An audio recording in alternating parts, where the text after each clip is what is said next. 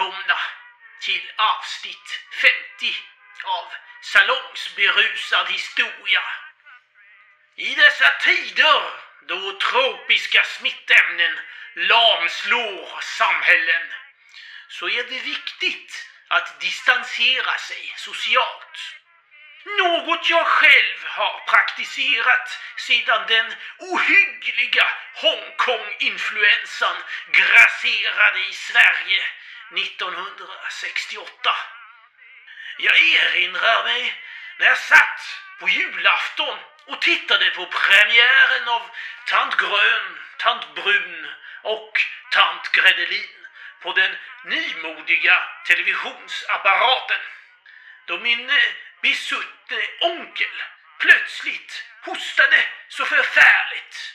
Ehuru är han skyldig hostan på att han smört kråset med sådant där gult bananformat snackeri från Old London Vasa. Så hyste jag onda aningar om ett mer olycksaligt ursprung.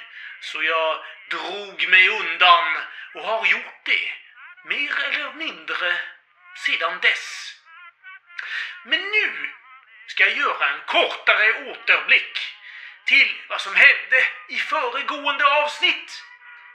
Vi har fått följa den unge Adolf Johann av Pfalz-Zweibrücken. Pfalz-Zweibrücken som vid 1410 då kurfurstendömet Pfalz delades slogs ihop med Pfalz-Zimmern.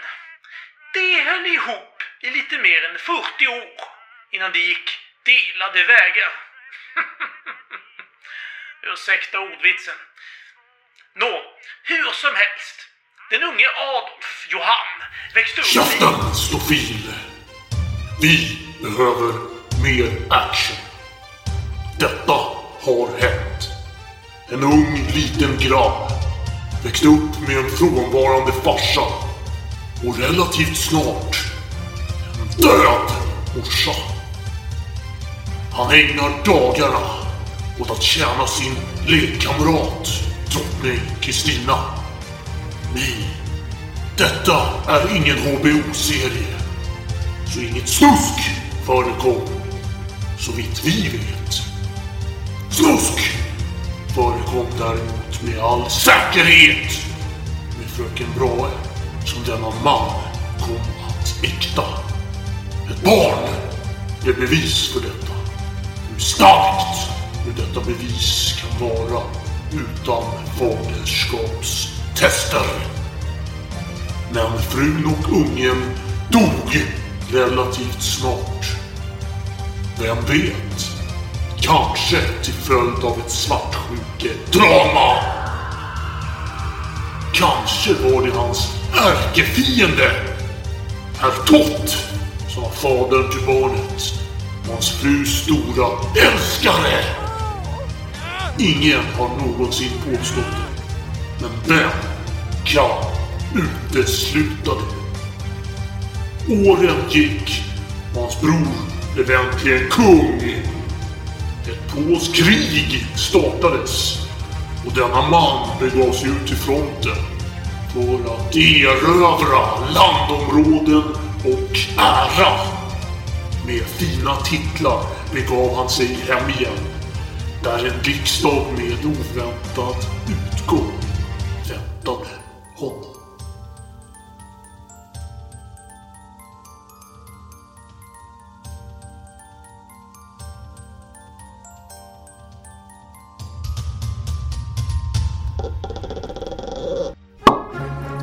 Mitt konunganamn skall vara Karl den sextonde. Gustav. We shall never surrender. allen Zeiten nicht die Mehrheit. Kom inte med en sån jävla provocerande och aggressiv ton mot mig.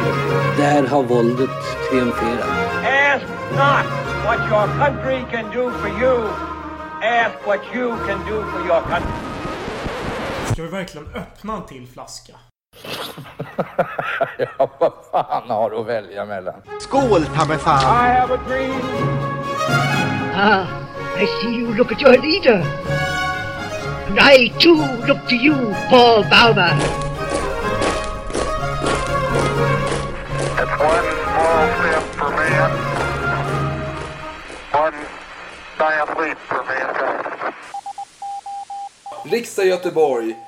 Det är kul med riksdag, det gillar ju folk. Det är alltid trevligt, lite snack. Man får, trä- man får träffa kompisar, snacka lite Mm. skit, dra lite beslut om rikets framtid. Det är tuffare för första, för de har inte så jättemånga polare. För det är ju mest adelsmän som vill begränsa deras makt, medan de själva vill ha mer makt.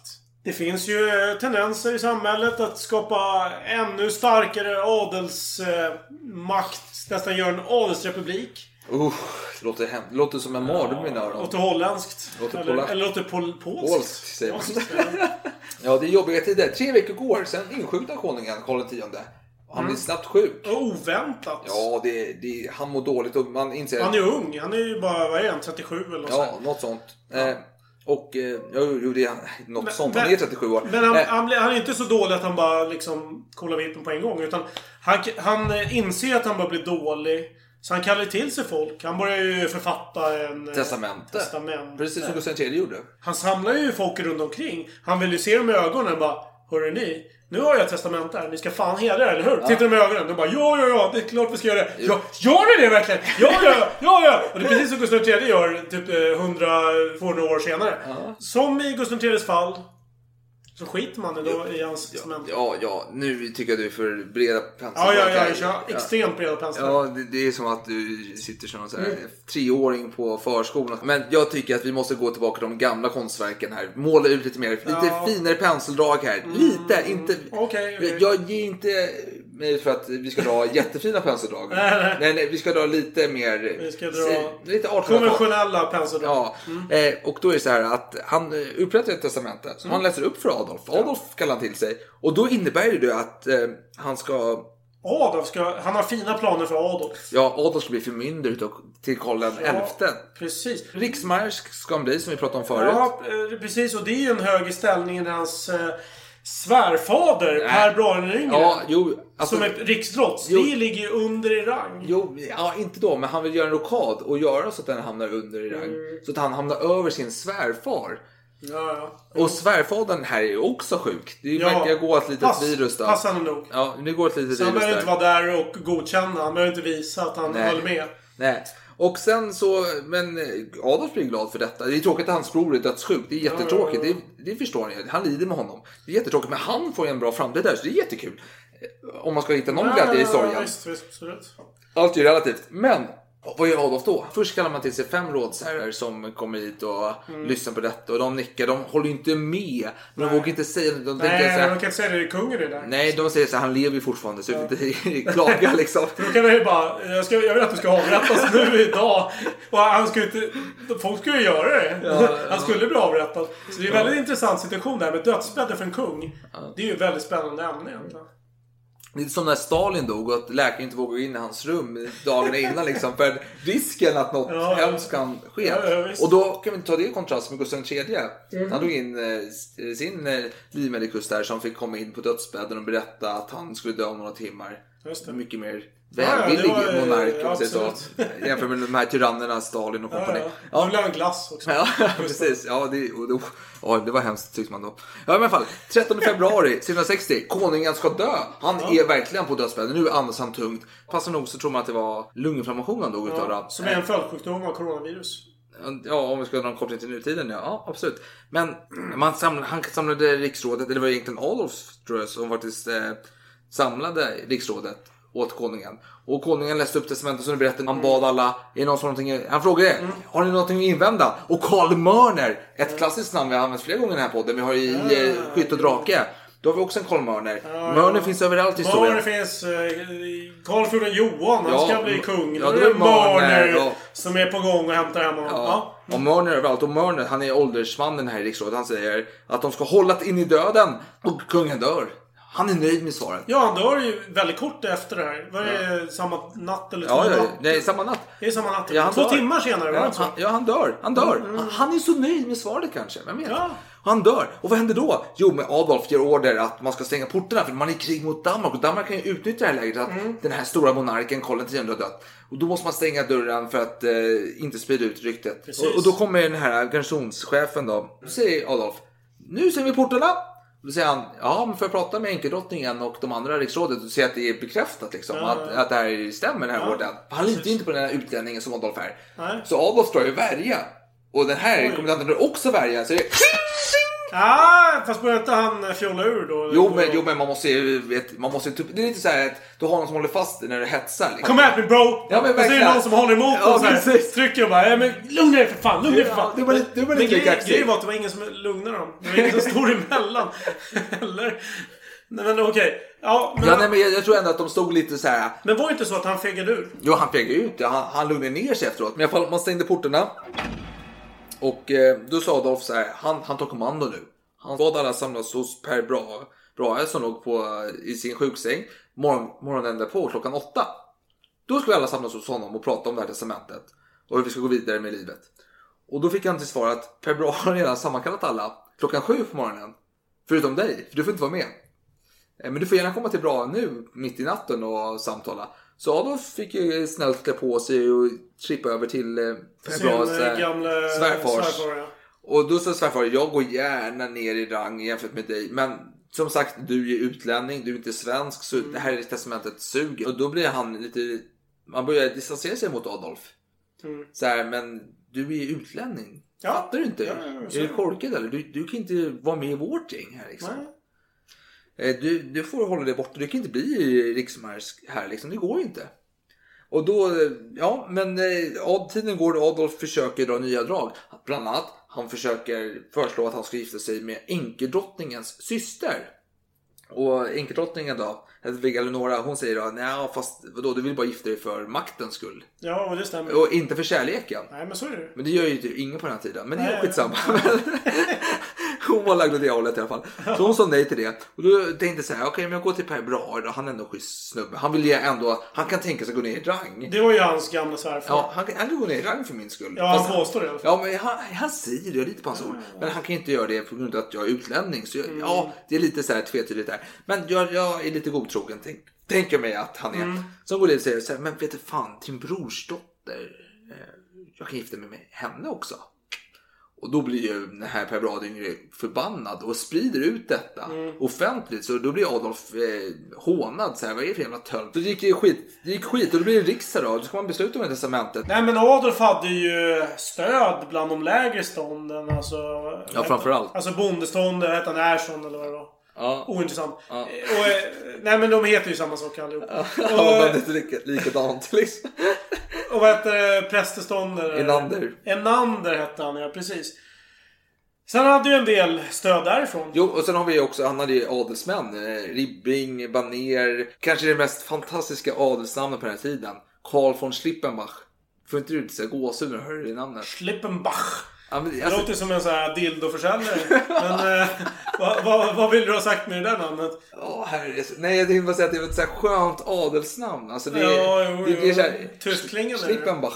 Det är som ett stereotypiskt tyskt Ja. adelsnamn. Och han var ju en stor beundrare utav, eh, eller stor och stor, men han var, en, han var ju pro Adolf. Ja. Och han blev ju baktalad som fan. Alla hans anhängare. Vem kunde tro det? Att en Schlippenbach var en pro-Adolf? Men fortsätt du. Fortsätt du. Fan. Fortsätt Ja. du. Ja, Han stod där på Nürnberg. Han stod där och blev hängd. Nej, kör. Ja, i alla fall. Eh, Schlippenbach. Han blev baktalad. Och det, och det är ett mönster vi ser. Att de här eh, rådsmännen och eh, adeln attackerade alla som var för Adolf. Det blev jobbigt att vara med Adolf. Mm, ska vi fundera på varför det eh, kommer sig att man tyckte så? Men vadå? Men man, man Vad var det negativa med att vara pro-Adolf för den, på den tiden? Vadå? Men, det, men alltså det är ju att riksrådet vill inte ha in honom i Nej. samman, Nej, nej. samkväms... Och det förstår man för han har ju en stark relation till kungamakten. Kanske till och med blir tronföljd, vem vet. Ja. Eh, och eh, man vill ju stärka adelns ställning. Ja. Såklart. och Adolf är ju för att man ska stärka kungamakten. Såklart. Han längtar till att Karl XI ska bli monark här och kunna spänna sina muskler och visa framfötterna och sparka in dörren då och få lite envälde. Alltså det är ju positivt i Adolfs ögon. Har Karl X dött? Ja. Vad fan?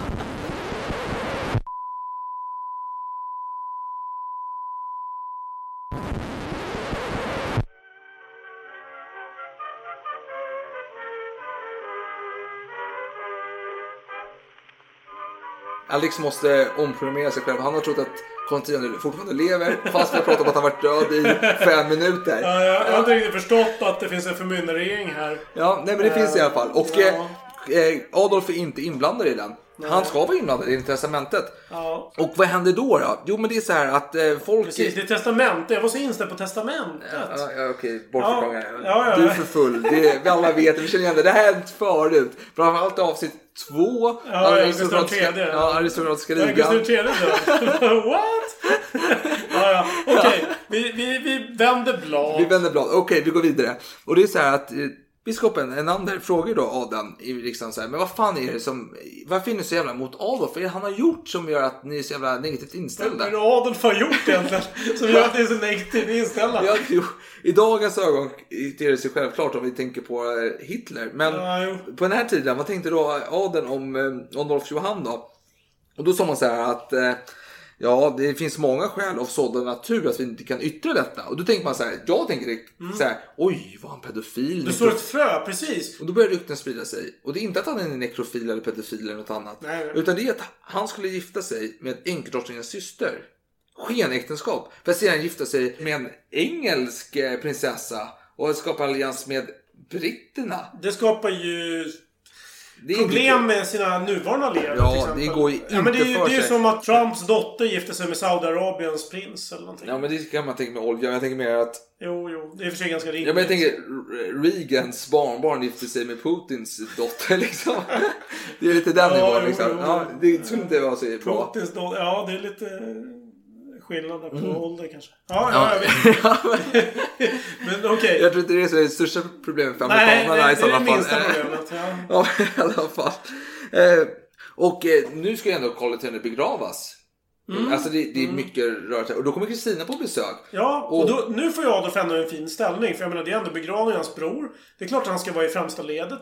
Han har möjlighet att ja, socialisera. Han är ändå huvudpunkten nästan här. Huvudämnet. Ja, och Kristina, hans kusin, kommer... Mm. Det är ändå en ex-drottning utav Sverige. Det är ändå... li- Även Hon dyker upp här. Hon är lite obekväm ändå. Alltså det är obekvämt att hon är här. Jo, jo, jag tycker eh, Aden, för hon är lite... Man vet inte riktigt vad man har henne.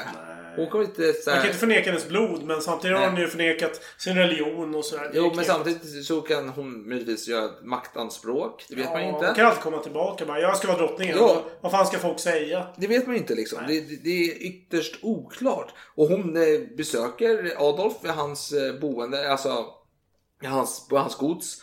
Eh, och hänger där ett tag och så vidare. Och Ganska då, länge för mig. ja, och då, det ser bra ut för Adolf här.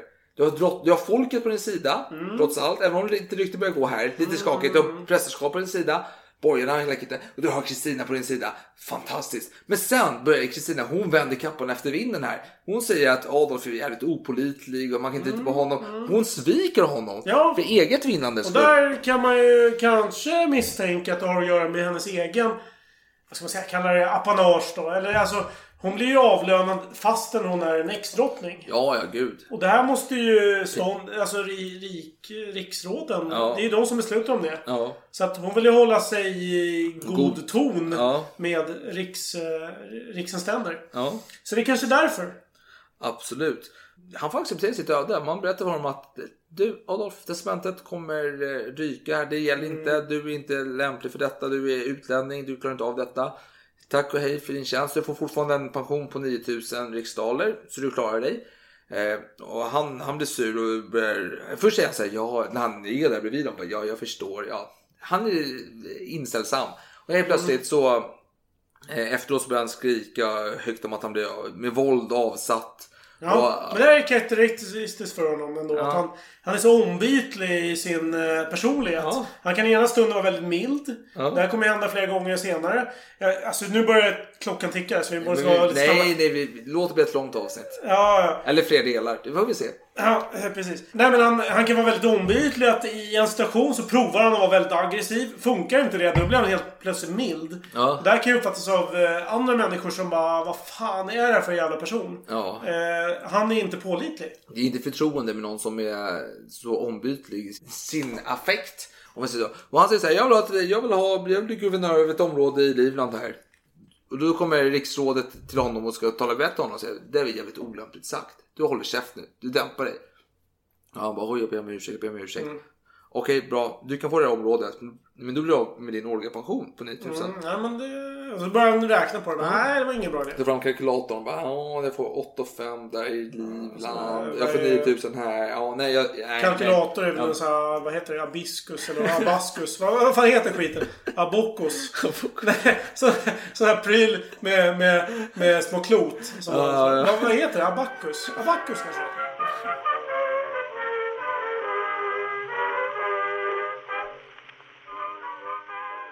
Adolf gifter sig med herr Bra den yngres brorsdotter.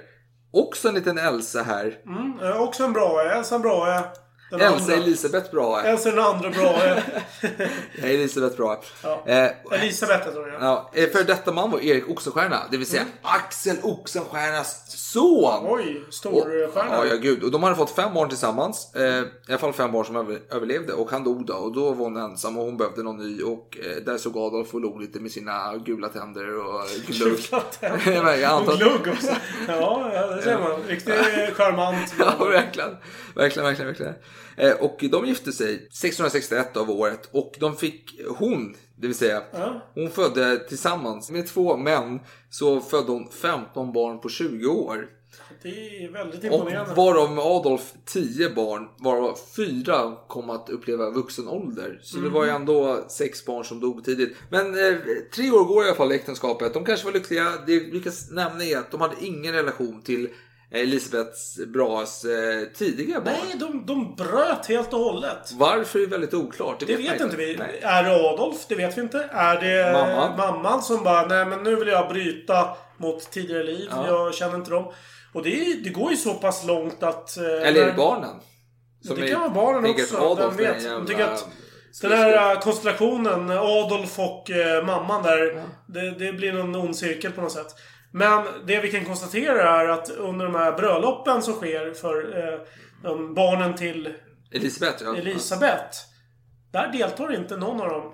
Eh, trots de är inbjudna. De, de dyker Ja. inte upp på bröllopet. Och det, och det ska nämnas att det barnen gifte sig med Adolfs eh, systers barn. Ja, ja, och det, det är sådana, det är sådana konstellationer också. Och Jo, jo, det var, de- det var så här trevlig inavel på den tiden. Ja, men i alla fall. Eh, fyra år går, eller tre år går rättare sagt. Och det är riksdagen på nytt. 1664. Så vi inte misstar oss. Och nu hoppas jag Adolf här att eh, riksrådet har tagit eh, ställning till att ja men fan det här testamentet det är ju klart det är legit. Jo, men han har skrivit en, han har skrivit en eh, skrivelse till riksrådet som han lämnat in då till eh, Mörner, Karl Mörner. Mm. Och de skiter i detta skrivelse. Varför? För att han skulle inte skriva till Mörner. Han lämnade in det till fel person. Ja, han skulle lämna in det till. Della Gardi. Ja, såklart. Och då är det så här att eh, han, han är inte stökig här och han håller på och jävlas och lever rövare. Då bestämmer man sig helt plötsligt för att man ska kalla honom till, eh, eller man ska sätta honom i husarrest. Och vi ska nämna det- detta att när man baktalar Adolf, jag har glömt säga det förut, då tog man bland annat upp den här historien om när han skulle efter sängen i Göteborg och drog värja. direkt. Just det. Och Mot sen- den kommendanten där. Ja, och sen att han hade lämnat kriget i Polen. Och att Man använde det emot honom. Men Ja, han precis. hade ju den här krigsskadan så det var ju lite förväntat. Han inte var jättesugen på att fortsätta. Fast vem fan bryr sig om det? Det är, det är en jävla lökig bortförklaring. Ja, jo, visst. Det är Det är hur många utav hans soldater har inte fått en kula genom lårbenet? Det är sant. Han behöver inte stå... Och, han, och de, å har, andra de, sidan... de har ingen möjlighet att eh, friskriva sig. "Aj, jag har fått min närlystnad här. Jag, jag, drar hem, jag drar hem till min socken här och börjar plöja lite. Å andra sidan, han har en väldigt framträdande roll. På den tiden var det ändå att härföraren skulle stå i främsta ledet. Så det var ju viktigt att han syntes. Så om han krossar knäskål, Jo, jo Han men vad fan, han sprang inte runt längst fram 10 meter före alla andra. Ah, fast Gustav II Adolf gjorde det. Jo, han gjorde det.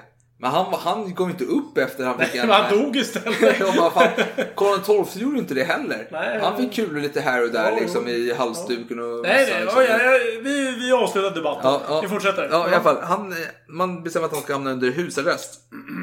Och eh, när man bestämmer detta, då är... Varför ska han hamna i För att han är husarrest? lite stökig och han är lite bråkig och man... Det låter som vaga Jo, jo, men han är ju det. Är inte Hans- man misstänker... Statskupp? Nej, ja, nej, det är ingenting man misstänker. Men däremot blir det en följd av det hela att eh, man har tidigare misstänkt att det kunde bli en statskupp. De har kallat in massa soldater till riksdagen hit och dit. Men, och han är lite hetlevrad. Nu har han ju hyrt ett liten boning i Stockholm där han sitter och lever över och försöker påverka folk fram och tillbaka. Och hotat Uppsalas landshövding hit och dit. Och Han har hållit på lite. För det är, inte, det är inte helt orimligt ändå att tänka sig att han kan vara intresserad av att göra en sån. Han, det var ändå hans bror som var kung. Ja. Och han, eh, jag menar, han har ju blodet och eh, nu är det så här vag situation där det är förmyndarregering. Det är klart att det, det är ett hot mot Jo, eh, jo men, riksrådet. men riksrådet är smartare än så. Så de säger så här, du ska hamna i husarrest. Ja. Och, och han är på slottet då. Och då säger man så här, han ska gå hem. Och då är en vakt säger så här, nej du får inte gå härifrån. Och alltså, en Vasa är en Vasa trots allt. Vi har ju Gustav Vasas pappa som slår sig in till sin död. Ska vi prata om Gustav Vasas pappa? nej, nej, men jag bara säger att Vasa är lite hetlevande. Ja, liksom. jo, jo. Visst. Eh, Jag misstänker att eh, Falls-Schweibrücken är Ja. lite mer klena i naturen. De är säkert lite mer så här ängsliga och fega. Liksom. Så har vi Vasa som är lite mer... Ja. Eh, de är kungen utav Kungsan liksom. Ja. Har du cigg eller? Nej. Alright. Där ser man. Ja men lite i det hållet. Mm. Så han börjar bra, bråka med den här vakten. Brottas, de rullar runt och drar strypgrepp kanske. Fan vet jag vad de gör. Men någonting gör de i alla fall. Strupgrepp där med. Ja. Ja men jag misstänker det. Något måste han göra. En höger strypgrepp. Ja, Hårt. ja, klassiska actionscener. Ja men verkligen liksom. Så kanske två fingrar mot ögonen. Ta, Liksom, ta så en lampa kanske man slå i huvudet på den andra. Precis, och kandelab upp i röven liksom. Man vet inte vad som händer. Ja, det allt är möjligt, allt är möjligt, allt är möjligt. Men han blev i alla fall gripen och satt i, inom, eh, bakom eh, lås då. Mm. Många vakter som vaktar honom. Och, Säkert 20 betjänter inom lås och bom. Ja, och då säger man så här, ja, den här lilla Adolf försökte göra statskupp. Mm. Och då fick folket, oj, oj, oj, ingen, ingen människa gillar en statskupp. Nej. Förutom 1772, då älskade alla statskupper. Mm. Det var för Gustav III och frihetstiden var värdelös. Så då var det befogat. Tyckte folket. Ja, och jag. Eh, ja, där ser man. Ja, men vad fan gör inte det? Men i alla fall. Eh, han, då, till slut fick man släppa honom och då säger Du får lugna ner dig lite Olof. Lugna ner dig nu fan. Skärp dig, det, det är över, det är över. Han bara, ja jo men, jo men nu kan jag lätta mitt samvete för nu har jag ändå stridit för min brors testamente. och hans Mm, ja, eh, precis. vilja. Så nu jag är nöjd sam- nu. Jag har min- inga ambitioner. Det blir samma sak med kriget. Så här, nu är ärlysten, så här, nu har jag Ja, fått min ära, nu, nu är jag ja, klar. ja, då är så här, nu har jag stridit för min brors ära, nu är jag klar, Mm. jag drar. Och då, och han drog.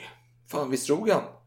Han drog ut i Europa med fru och barn och hela kittet. Och där, Ja, han, han gick ner till kontinenten där och besökte sina gods igen. Ja. Han kände sig inte välkommen i Sverige. Nej, det gjorde han inte. Och då helt plötsligt, vi, alltså han var ju några år i, nere i kontinenten. Och han var inte bofast vid Katarineburg och sådär, utan han åkte ju runt fram och tillbaka. Eh, men sen skulle han... Eh, Katarineburg 1, och det, det har vi nämnt i tidigare avsnitt. ja, precis. Där. Ni får lyssna på tidigare avsnitt om ni Ja, vill veta någonting om det. Och det vi kommer inte gå igenom alla de här egendomarna. Det är inte så jätteintressant. Nej. Däremot har vi en eh, anekdot Ja, senare. det är lite roligt. Det var, han skulle köpa området Rixingen eh, som låg i Frankrike, Alsace. Som- Just det. Han gjorde en, en rokad. Neukastel. Ja. Det kan ha varit Neukastel. Jag kan ha fel där, så ni får rätta mig i sådana fall i efterhand. Eh, men han gjorde en rokad. Han, han gjorde en byteshandel med en annan falskgreve. Ja. Så han bytte bort sin egendom mot en egendom i ett bestritt område. Ja. Och det här bestridda området det var flera som var, ville bli kungen av Kungsan om man ska använda det uttrycket. Tyvärr så blev ingen av dem kungen av Kungsan. För helt plötsligt kom fransmän från eh, helt andra, andra håll. Ja. Red in, ockuperade hela området. Som Började fransmän gör alltså. ibland gör. Och och börjar ställa krav helt plötsligt. Nu var det inte längre okej att vara lutheran eller Nej. kalvinist eller annat. Nej. Vi har ockuperat det här området. Vi kan göra vad fan vi vill med er. Men eh, vi kan respektera era egendomar om ni konverterar till katolicismen. Ja. Det här är lite problematiskt för jag menar Adolf han, han kan ju inte göra några anspråk på svenska tronen om han blir katolik. Nej. Det är ju helt kört.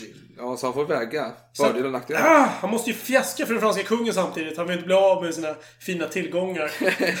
det här är svårt. Så han måste typ bara Ja, jag älskar katolicismen men jag är lutheran. Men eh, jag kan tänka mig att förhandla om saken.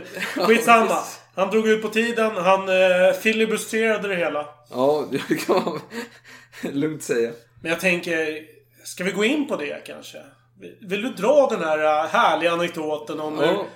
hur Adolf eh, ockuperade Frankrike? Ja, jo, Vad precis. fan ska man säga? Ja, jo, det var så här, han skulle köpa ett område i Riksingen och det var en gammal gubbe som ägde det. Eh, då skulle man komma överens om att 120 000 dollar på det området. Okej, det säger mig ingenting. Men Nej, ja, men- det är mycket pengar. Mycket pengar kan vi säga. Ja men 120 000 dollar, perfekt. Men den här mannen då, han dog och hans son tog över området. Och då sa hans son så här, men fan du har bara betalat 12 000 i handpenning. Det Mm. saknas ju 108 000 här. Så hur kan du ta skatt från alla mina, eller från alla bönder i området? Så han var på väg att köpa det här jättefina området. Men han som han köpte av dog innan inbetalningen var gjord. Då blev det en juridisk fråga. Ja, inbetalningen var gjord. Ja, ja handpenningen var gjord. Mm. Men grejen var att Adolf tog ju full beskattning utav bönderna. Just det, han ville, han ville ha full inkomst innan han betalade fullt ut. Ja, och då tyckte den här sonen att Ja. det, det kan ju inte göra. Nej, då sa det- Adolf att det, detta är rättsvidrigt för helvete.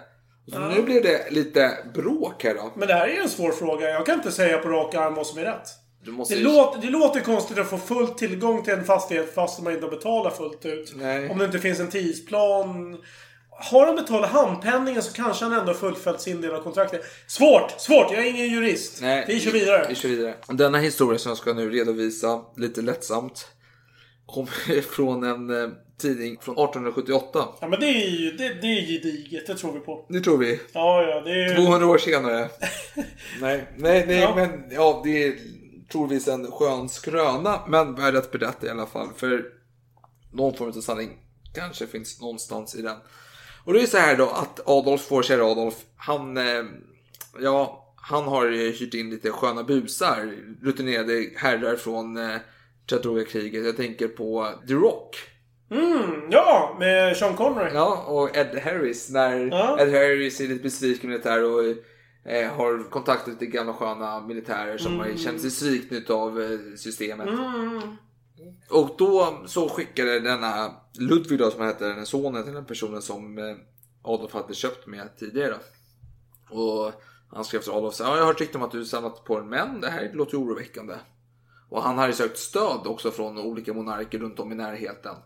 Eh, kejsaren. Tysk-romerska kejsaren. Ja precis och eh, bland annat, bland annat då. De har sagt men Adolf kommer inte göra någonting. Det är lugnt. Adolf är lugn. Han, han är lemlästad. Han, han har ingen möjlighet att göra någonting överhuvudtaget. Men Ludvig är orolig här. Ja, men Ludvig är lite såhär, ja, men jag, jag skickar ett brev till Adolf i alla fall bara checka läget liksom. Det blir Chamberlain liksom när han åker till Mm, eh, uh, Hitler. peace in our time. Ja men precis, men han Ja. åker dit och bara kollar Ja, läget. ja, Och eh, Adolf bara, ja nej, nej det där är bara dynga. Nej, Absolut inte Nej, sant. de, de, där, de där fanorna som jag sett där som har vajat och de här marscherande männen. Nej, det, det Nej, behöver du inte tänka det är på. lantbrukare, så det är ingen fara. Men däremot ska du acceptera att eh, det ekonomiska budet här, jag, ska få kräva skatt utav eh, folket här. Mm, precis, precis. Och Ludvig här, ja, han tar emot brevet så bara, mm, han ska väl ett svar på detta, ett vasst Mm. svar. Så med en liten kurir springer till Adolf och berättar detta. Och kuriren kommer tillbaka samma dag och säger, ah nej, nej, det är falsk graf, det är falsk graf. Och säger att falskreven då, alltså Adolf är på väg med sina män där. Ja, för han, han höll på... Han blev ju gripen av falskare, men han lyckas rymma på något Ja, sätt. jo precis. Ja, han lyckas. Och lyckas rymma. Han vill muta sig bort. Ja. Jag vet, vi vet. Ja, nej men så eh, Ludvig då, han, han eh, i Roxin då, han, han eh, markerar sig här. Nu, Ja. nu är det dags för kamp och strid här. Ja, nu är det uh, 40 samurajen eller vad fan det är. Ja, ja, ja, för fan. Nu är det heta brud här på området. Och då kommer några så här, jag tänka mig så Småland, feta legoknektar kommer dit. Jävligt fulla legoknektar. Ja, ja, men de kommer dit så här, "Åh, blir bortskjutna, retirerar direkt i skogen. Precis. Och så kom, men det är bara första anstormningen. Sen Mm. kommer den riktiga anstormningen. Och det, de kommer i massor, de kommer och krigar, de kommer fram och försöker klättra upp på stegar. De blir bortknuffade direkt. Och då Adolf, han vänder sig till Miltenberger som är någon ledare för den här legoknekten och säger så att de skämmer ut honom. Att kommer ryktet ut här att eh, de är Mm. De är fulla. odågor. Ja men de sitter och ramlar ner från stegar. De ska försöka... de är berusade. Ja, de är berusade och de lever rövar liksom och så här. Hellre går super i staden bredvid Ja, ja, än att, att storma. Att han blir lite åtlöje. Mm. Och han säger mitt i mig bara nej, nej, det är ingen fara, det är ingen fara. Vi kommer inte ha staden innan kvällens slut. Mm. Och så sitter Adolf där och bara, mm, ja men Adolf har ju varit där i, i, under tidigare år i livet. Och jag minns att det fanns en annan port innan huvudporten. Mm, det här låter ju nästan som eh, slaget vid Thermopylae med den puckelryggade mannen som förrådde eh, Ja. spartanerna och eh, visade en annan väg ja, förbi den här stridslinjen. Ja, jo, ja, jo, men nu har de ingen som har förrått dem än. Nej, nej. Men Det- jag, det- det jag vill bara- dra en liknelse. Jag tycker att det är passande. Jo men Adolf minns Det är från barndomen. Ja. Han minns en port till. Kan det stämma? Mm. Kan det finnas en port till? Men kan han ha drömt eller var det verklighet? Han minns inte var den var någonstans. Var var den belägen? Så de här uh, Miltenberger och company. Så de eh, gick till Amtmannen. Mm. Precis, fogden. Över slottet, Amtman. Så Ja, ja. då gick till honom och frågade var porten var. Soll ein verstecktes Tor geben. Wo befindet es sich? Ha! Vous direz jamais! Bande de tapettes! Han vägrade säga så man började helt plötsligt slå med höger och vänster. Liksom. Så här, nu jäveln Amtman, nu ska berätta var det är någonstans. Jungs, geht ihm Saures!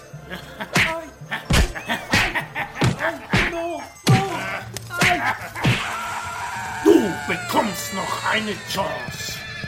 Wo befindet sich das versteckte Tor? Derrière l'autre. Sprech Deutsch! Da drüben ist ein Misthaufen. Dahinter gibt es einen versteckten Eingang. Så den låg ju då bakom en dynghög. Så man gick dit, grävde bort den och såg att den här porten var ju rutten. Ja. ja. dynga. Vad enkelt. Det är bara att Så ta man bort bara den. knackade på den så rasade den ihop med tiden. Så då sprang man in dit och började leva rövare. Vilket var en eh, temporär succé. Ja, ja, men- Adolf. Han Absolut. ockuperade området. Ja, och Ludvig då som var inne i huset, han fick ju hoppa ut genom fönstret och fly. Han eh, skadade benet, men mörkret var hans vän i tillfället, så han kom undan tack vare sin betjänt. Och då de här eh, legotecknen, då vill jag betalt direkt. Man borde ha lite konsekvenstänk. Har man så här beryktade, gamla avdankade 30-årskrigare.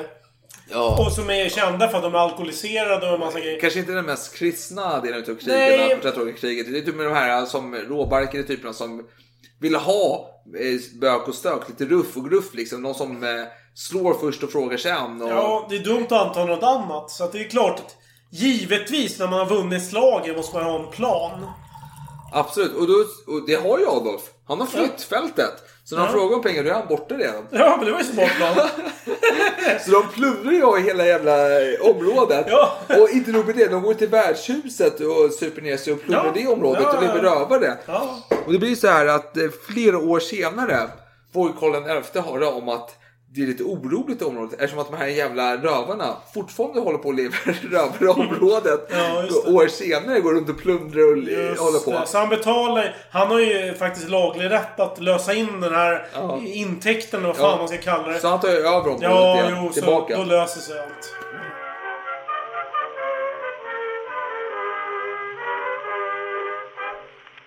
Adolf är den första.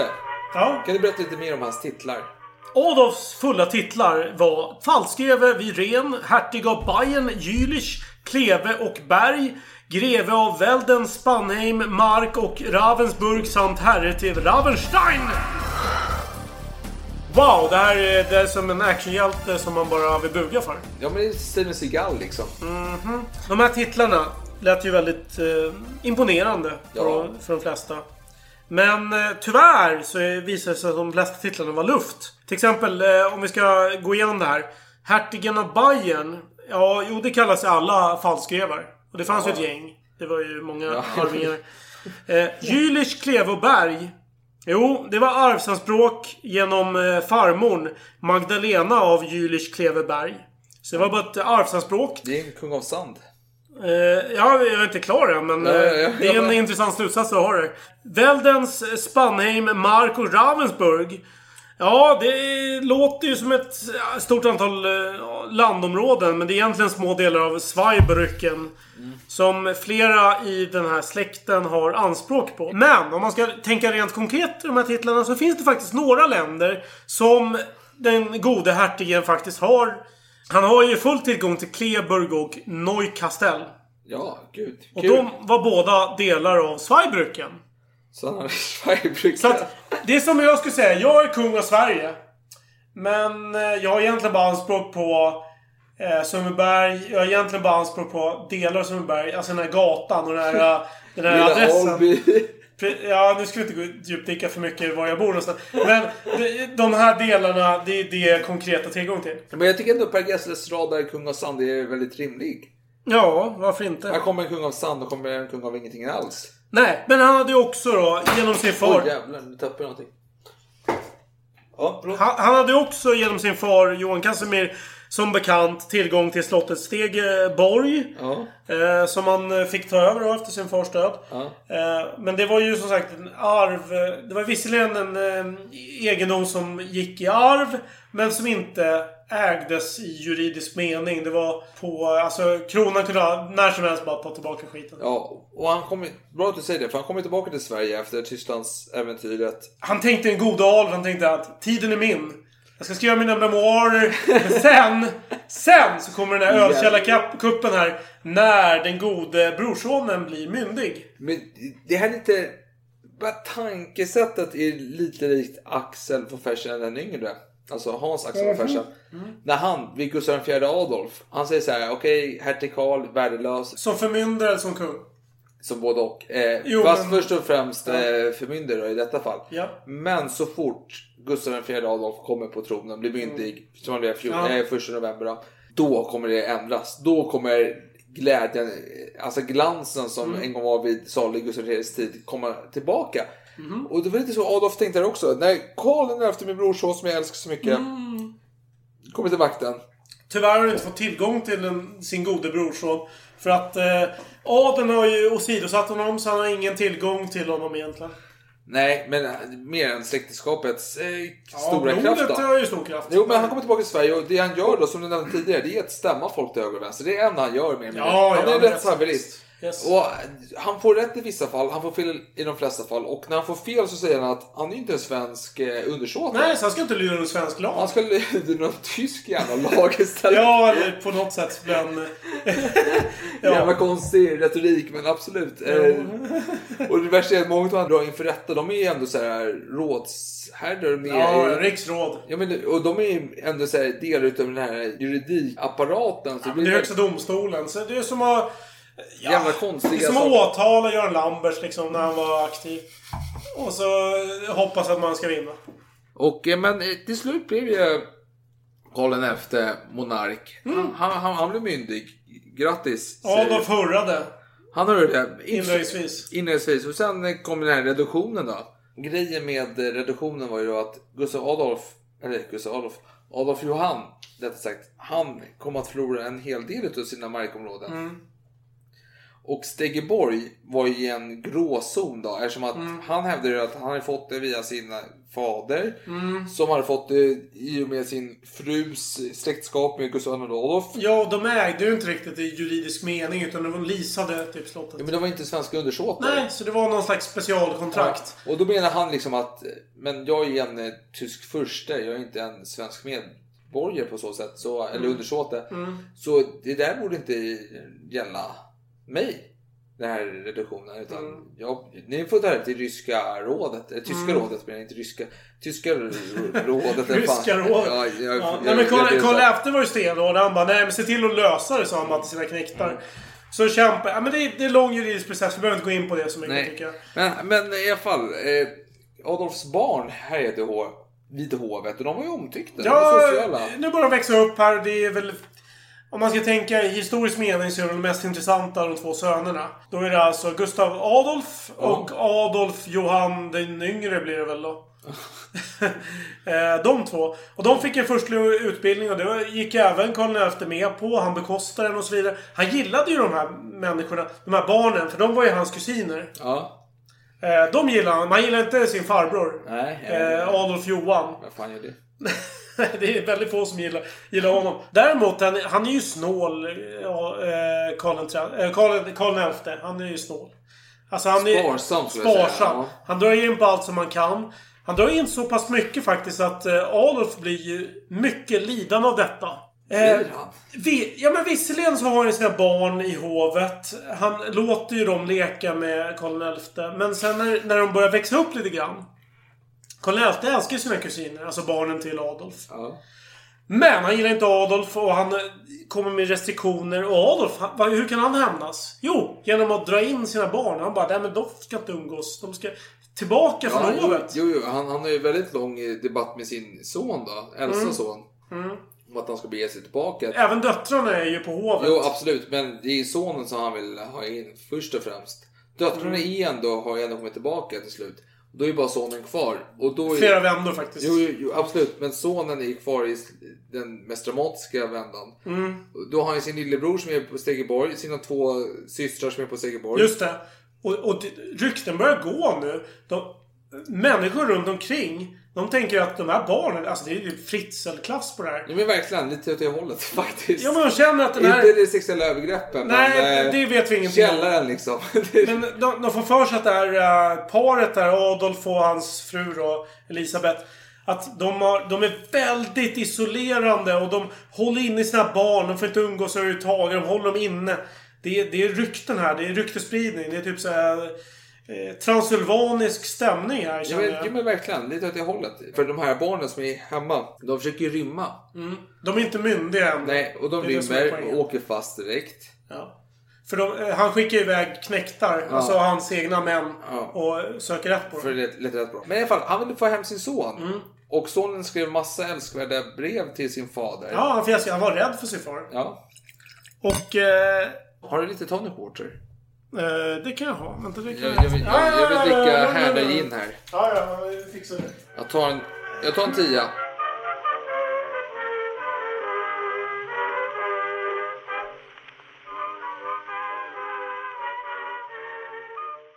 Adolf, han är ju nästan som en privatspanare i Palmemordet. Han börjar ju skapa tabeller här va. Han börjar ju analysera fakta. Han tar, jaha, jaha, vad är det de offentliga rapporterna säger? Och vad är det jag vet Sven har hänt?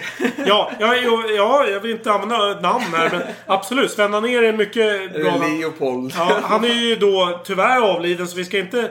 Eh, nej men jag, jag, det är bara, jag har bara positivt att säga om Sven Gunnar. Wall. Vi har flera. Gunnar Wall. Ja men det finns många älskvärda personligheter som har fördjupat sig i Palmemordet. Det är inte riktigt det som är ämnet här. Men i alla fall. Han har ställt upp två stycken tabeller. Den ena tabellen är argumenta destruktiva. Ja. Det låter lite negativt, eller hur? Destruktiva låter jävligt negativt. Ja, det är då sonens brev. Det är vad sonen påstår har hänt. Ja. Mm. Sen har han sin egen eh, andra kolumn då.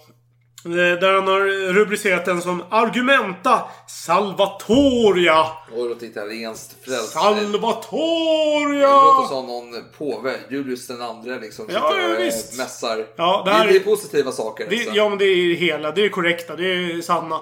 Och det, det är sånt som man vet stämmer. Det han b- säger. Ja, så han börjar analysera som Palmemordet. Jaha, jaha, jaha, minut 57. Vad hände då? Jaha, jag, ja, men, men jag vet att det här hände. Så ja, ja, och så pratar säkert... 23, 21. Och så pratar säkert med sin fru och så bara... Ja, men du ser ju här, vår son skriver att, att Palmemordet det skedde 23.20. När du säger att det skriver 23.21. Det är ju nånt, någonting är ju väldigt fel här. Och, och, visst, de pratar inte om Palmemordet. Men du förstår vad jag menar. Det var, någonting var inte helt rätt. Och det var säkert det de diskuterade hela dagarna Ja. här.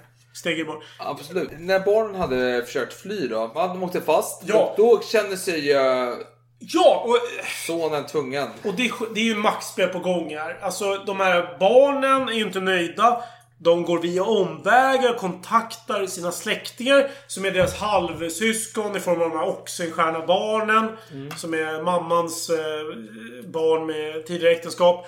På något sätt läcker information upp till Karl XI att de är inte så nöjda de här barnen. Så Karl XI är ju visserligen som Gullivar Flinthjärta då, och är jävligt, alltså. Och jävligt hård. Men han hör ju ändå att Ja, de här barnen är jävligt dåliga. Jaha, ja, de är ändå Vasablad. Jaha, ja, ja, okej. Ja, jag kan väl skicka en betjänt. En dagslön kan jag väl kosta på mig. Så han skickar någon jävel som Ja, ska till inte vilken, en jävel är väl ett jävligt vagt berättat. Det är landshövdingen i Linköping. Det- Nyutnämnd i och för sig. Ja. Han, skulle, han, han kom ju under förevändning att han hade kreditivbrev till den här... Ja, absolut. äh, Jag har ett brev till och, eh, Adolf och han hette Erik Lovisin då. Och han kom dit och han, men egentligen var han egentligen en social tant som kom på besök för att se förhållandena här, hur det var. Ja. Och han sa ju såhär att bron över till ön då, där Segerborg fanns, det var, den var så dåligt underhållen så han vågade inte ens åka med sin vagn över bron. Adolf ville inte, han var upptagen så han kunde inte träffa honom förrän middagen. Så han fick hela eh, dagen, förmiddagen och tidig eftermiddag med barnen. Och han pratade med dem och de var ledsna. De kunde börja gråta mitt i samtalet. Ena sonen, den yngsta sonen då. Han, eh, han sa att de hade att pappan hade nämnt att de skulle åka utomlands. Vilket kan vara rimligt varför han ville ha hem sin äldsta son hela tiden. Och, men den här sonen berättade då att eh, ja, han vill att vi ska bli katoliker istället. Han vill det, han vill det. Och då sa sonen så här då att, eh, att de absolut inte ville bli katoliker. Nej. Att, citat, var till det aldrig kunnat sig låta intalas utan hellre önskat sig döden. Mycket anmärkningsvärt. Två saker. Dels att han uttalar det. Ja. Men även att eh, man gör en slags skarp markering här. Att ja, det finns tryck här att vi ska bli katoliker. Eh, det kan bero på att eh, din eh, arbetsgivare, det vill säga konungen, är så jävla snål. Så vi måste söka, söka oss till kontinenten här. Där vi kan eh, få mer, större möjligheter. Jo, men det kan nämnas att tidigare i den här barnens barndom då, de har ju gått på universitetsutbildningar i katolska universitet. Där man har ändå flörtat lite med katolicismen överlag då. Så det är inte helt otänkbart att man har varit på väg dit tidigare. Men det är roligt att prins Gustav i senare tid skulle komma att överge Ja, för... eh, fast han övergår ju inte till kristendomen. Så det, det, Men, men han går ju till eh, katolicismen. Ja, jo, men tröskeln mellan dem var kanske inte var så stor. Jo, det var ju men- stor från Jo. eh, protestantisk... Jo, men... Ja, men allt är relativt. Jag menar, Men ändå, han, han sa att han skulle dö här. Ja, ja, det var ju uppenbarligen humbug. Ja. och den här uh, Erik då som var lite so- socialtant då på Segerborg. Just det. Han eh, noterade då att maten var medelmåttig. Ganska dålig. Ja, jag försökte förmildra det hela. Nej, men jag är hård. Du är hård. Men han drack två glas vin i alla fall. Ja, ja, ja. Men att han inte åt upp maten var ju för att han visste att barnen fick äta rester till... Det är ju faktiskt väldigt... äh, Det är oroväckande. Det är ju olyckligt. Det är oroväckande att han ens äh, anade vid den ja. Det är väldigt oroväckande. Och, men till slut fick han träffa då eh, Adolf. Och Adolf var så här, med ett kungliga sändebud. Han var väldigt inställsam och... Mm. Och han var ändå, eh, som jag förstod det, det här sändebudet. Mm. Han var ändå ganska tydlig med att ja, men du vet, vi kommer nog inte riktigt acceptera att du behandlar de här barnen så här. Och vi kommer nog ta över. Eh, ja, Ja, absolut. Han Vi är sa- soc här. Nu får du fan ge dig jävla Ja. knarkare. Han var ju bara, jaha, ja, ja, ja, men det är klart. Ja, Jo, men jag så är det, är menar. det, ja. Jag förstår menar. Jaha, du ska ta över mina barn. Ja, ja, ja, ja. Ska du ta över min fru också? Jaha, okej. ja. Ja, hur mycket pengar ska jag ge dig? Ja, okej. Alltså det var väldigt så här. Det var den känslan jag fick. För att Elsas son skulle komma tillbaka till eh, konungens tjänst så var konungen tvungen att kalla på honom. Vilket han inte gjorde. Och då var ju eh, Adolf väldigt behjälpsam med att skriva ett väldigt fint brev till konungen Karl efter om att säga att sönerna skulle komma tillbaka till tjänst. Eh, alltså även den yngsta sonen skulle komma till tjänst. Och döttrarna skulle bli kammarfruar hit och dit. Och eh, till slut sa kungen, ja men självklart kom hit. Och då, sa, då ändrade han sig plötsligt och sa att okej den äldsta sonen får komma till kunglig tjänst men de andra ska stanna kvar då hos mig och Elisabeth då. Och då fick ju den äldsta sonen då, Gustav Adolf, lämna sina syskon förtvivlade och tänka oj oj oj, här sitter han hos eh, pappa Adolf Fritzl liksom och äh. Ja, ja, han visste bara fan. Jag får det jävligt bra men de där, Ja. mina stackars syskon, de har det i helvete.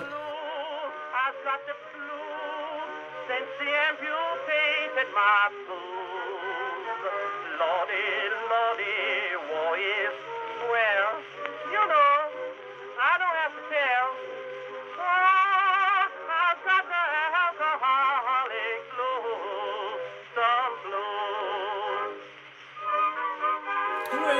vårt andra glas, eh, ljus.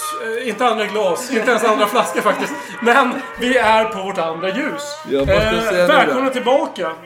Ja, Vi är på gin och vi är på... Nej, ginen är slut, ölen är Ginen är... slut. fan, Ge mig glaset, flaskor. ge mig glaset. Livet går vidare. Salig broder död.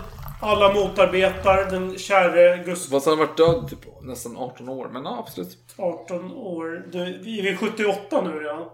Ja, men vi, vi fan, alltså vi... Är inte det lite väl tidigt tänker jag? Alltså visst, Karl XI är myndig. Det var redan 72. Det är vi med på.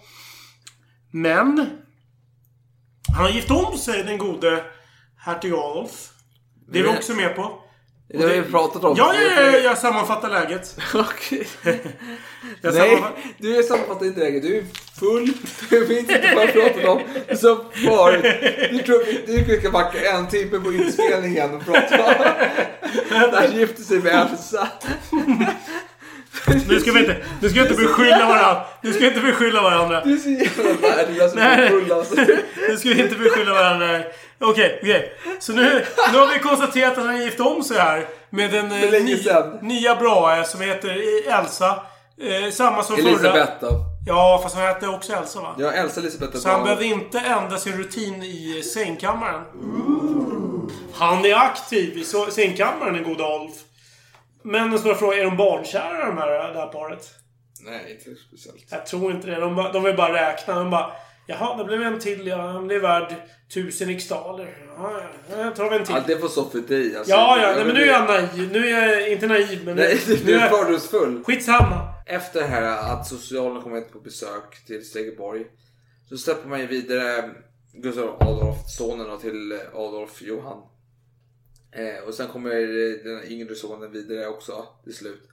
Och då säger Karl efter men jag bjussar på en Grand Tour här till de här för de är ändå förstliga.